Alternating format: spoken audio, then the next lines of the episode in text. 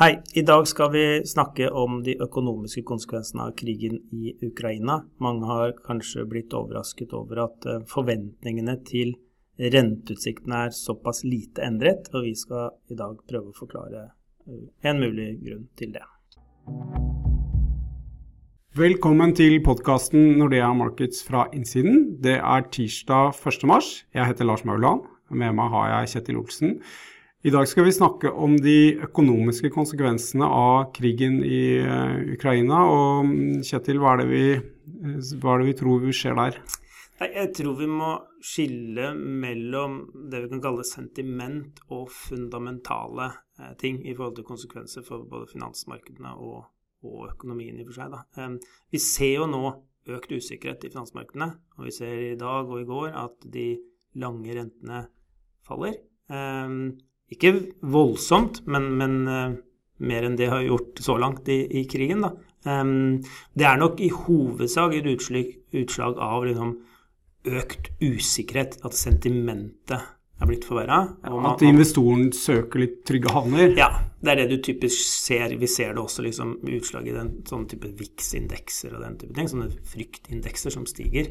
Um, og det er helt naturlig da at uh, man får den type utslag. Uh, så er jo da spørsmålet og, og, Men det vi også har erfaring for, at den type sånn usikkerhetsutslag de er ganske kortvarige. Sånn, det går over. Det blir en ny normal, og så faller det tilbake. da så, så uh, spørsmålet er også da hvilke fundamentale konsekvenser får krigen i Ukraina for den økonomiske utviklingen i internasjonal økonomi. Ja, og klart For Russland så er jo dette helt krise økonomisk sett, og for Ukraina selvfølgelig. Men for, for, oss her i Vesten så er jo egentlig Russland en ganske liten handelspartner. Ikke bare ganske liten, altså sånn i forhold til de direkte handelsstrømmene, sånn, ta eksporten, da, som er liksom det mest relevante for vestlige land. Hvor avhengig er vi av å få solgt våre produkter og tjenester til Russland? Eh, I veldig, veldig liten grad. Altså, for USA sin del så går 0,3 av samla eksport går til Russland.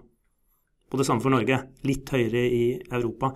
Det betyr at liksom, om aktiviteten i Russland går kraftig ned, etterspørselen fra Russland går kraftig ned, så påvirker det i veldig, veldig liten grad vestlige økonomier. Så den direkte effekten der er helt marginal.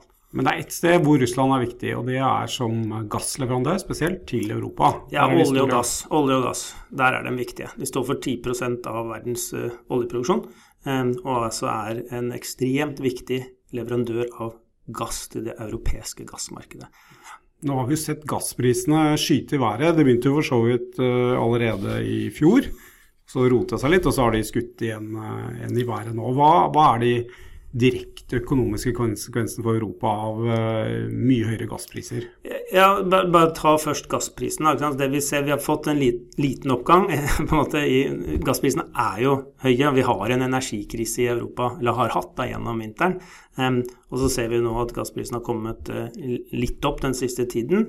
Igjen mest av alt en frykt for, tror jeg, at gassleveransene fra Russland på en eller annen måte stopper opp. Enten pga. sanksjoner, eller at Russland selv velger å stoppe den, eller at krigen fører til at gassrørledninger eh, ødelegges. Eh, eh, så foreløpig er utslagene ganske små. Men gass, altså gassprisene i Europa, som det er det det dreier seg om, da, fordi gass er jo liksom stedbundet gjennom rør de er viktige for den eh, europeiske økonomien, for produsenter og for, for konsumenter. Um, så kraftig økning i gassprisene vil være et enormt kostnadssjokk for europeisk økonomi og en inndraging av kjøpekraft i stort monn for europeiske husholdninger.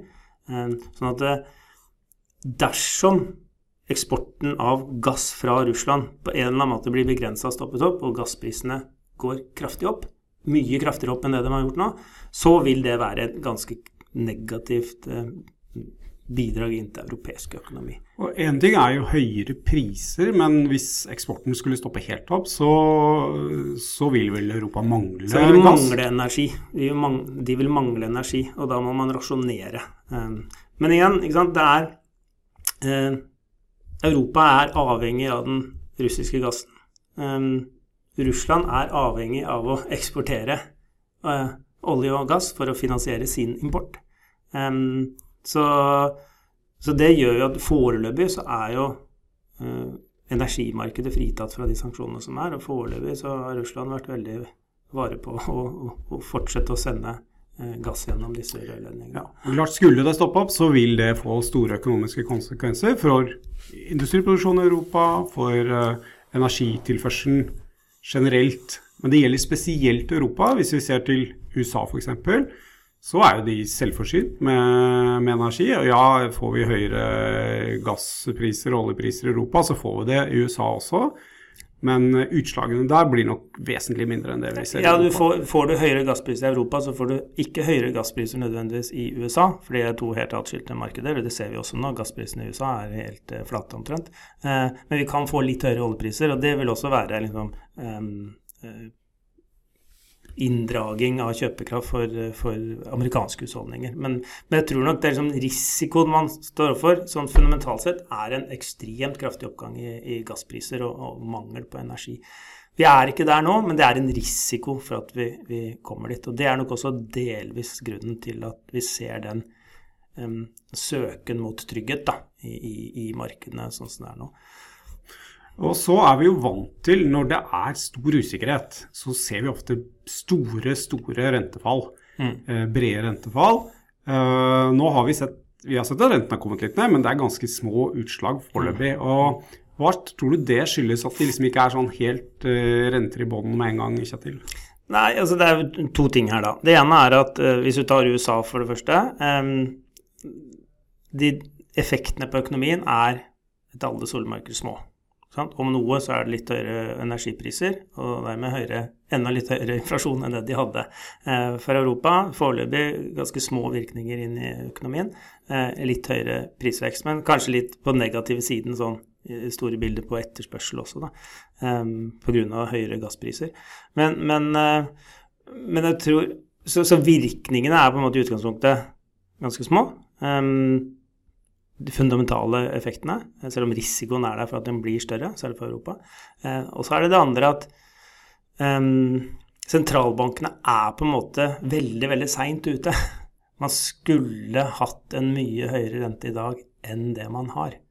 Um, så, i, I USA de har, de har massivt press i arbeidsmarkedet, eh, lav ledighet høyeste inflasjon på 40 år, høyeste lønnsvekst på 40 år. Så liksom rentene skulle vært på et helt annet nivå. Og det betyr jo at det skal ganske stort negativt sjokk, da.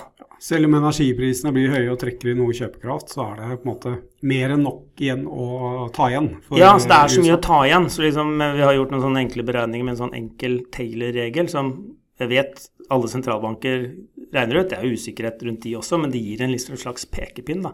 Um, og i hvert fall min variant viser nå en rente i USA på er det 6-7 altså sånn, Du skal ikke ta det helt bokstavelig, men det gir en illustrasjon på liksom, hva en, liksom en objektiv, fornuftig, enkel regel for pengepolitikken egentlig skulle sagt at renta skulle vært.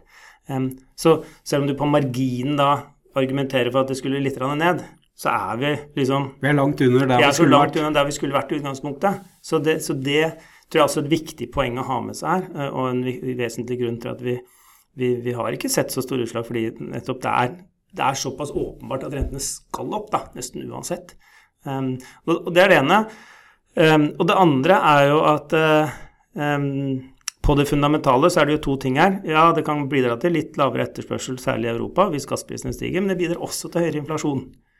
Um, og, og, det har jo særlig vært lav inflasjon som har gjort at rentene har vært holdt så ekstremt lave, da, både i USA og Europa, siden ja. finanskrisen. egentlig. Ja, ikke sant? så det må vi også huske på at liksom, de, de, enormt lave rentene vi har hatt, det er jo fordi sentralbankene har prøvd å få inflasjonen opp.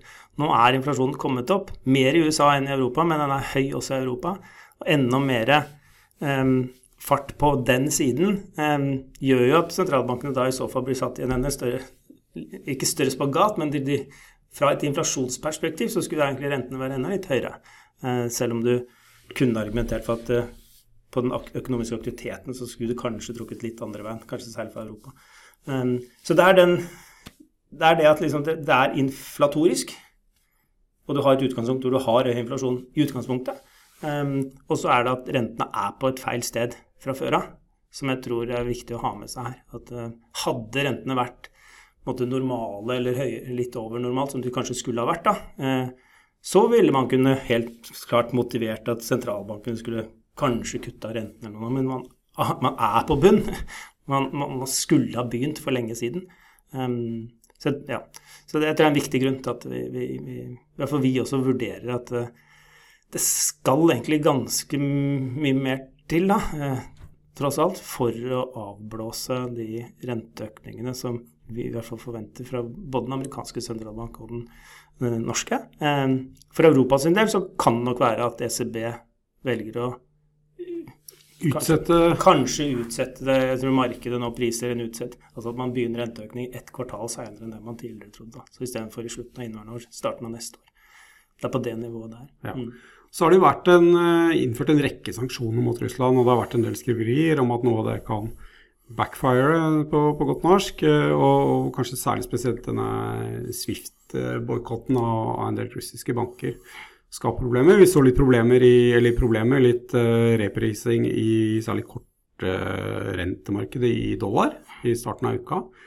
Men det virker som det har på en måte gitt seg litt nå. Og, og det virker som de måte, direkte konsekvensene av en sånn oppgjørsproblemer i Russland, det, det, det virker som man nå tenker at det, det kan man leve med. Og, og sentralbankene vil jo også stå klare til å tilby dollarlikviditet hvis det skulle bli nødvendig. Mm. Problemet er at hvis du måte, i et finanssystem hvor det er en måte, normal og en forutsetning at pengene flyter fritt, uansett hvilken valuta det er, på, på, tvers av landegrensene Hvis man uh, holder igjen i, i Russland, så, så, kan det bli noen uh, flaskehalser og som kan skape noen forstyrrelser. Men det virker nå foreløpig som det er uh, håndterbart. Ja, og uansett så vil også sentralbankene kunne håndtere det med ekstra likviditetstilførsel. Og det er, det er på en måte det er jobben til sentralbankene å sørge for at finansmarkedene fungerer. Um, og det er en litt annen karakter enn liksom rentekutt. Det liksom ikke ikke som er liksom pengepolitikk som sådan. Det er liksom to roller her. Det er den der lender of last resort-rollen. Eh, tilby nok likviditet til at markedene fungerer. Som kan komme i action her. Og, der har sentralbankene alle de virkemidlene de trenger for å sørge for at det det, ja. det, det er ikke så lenge siden de tok det i bruk sist, og de, de, vet hvordan de fungerer. Mm. Um, da tror jeg vi sier takk for i dag. Um, du har hørt på podkasten når det er Markets fra innsiden. Vi har sett litt på, på de økonomiske konsekvensene av krigen i Ukraina.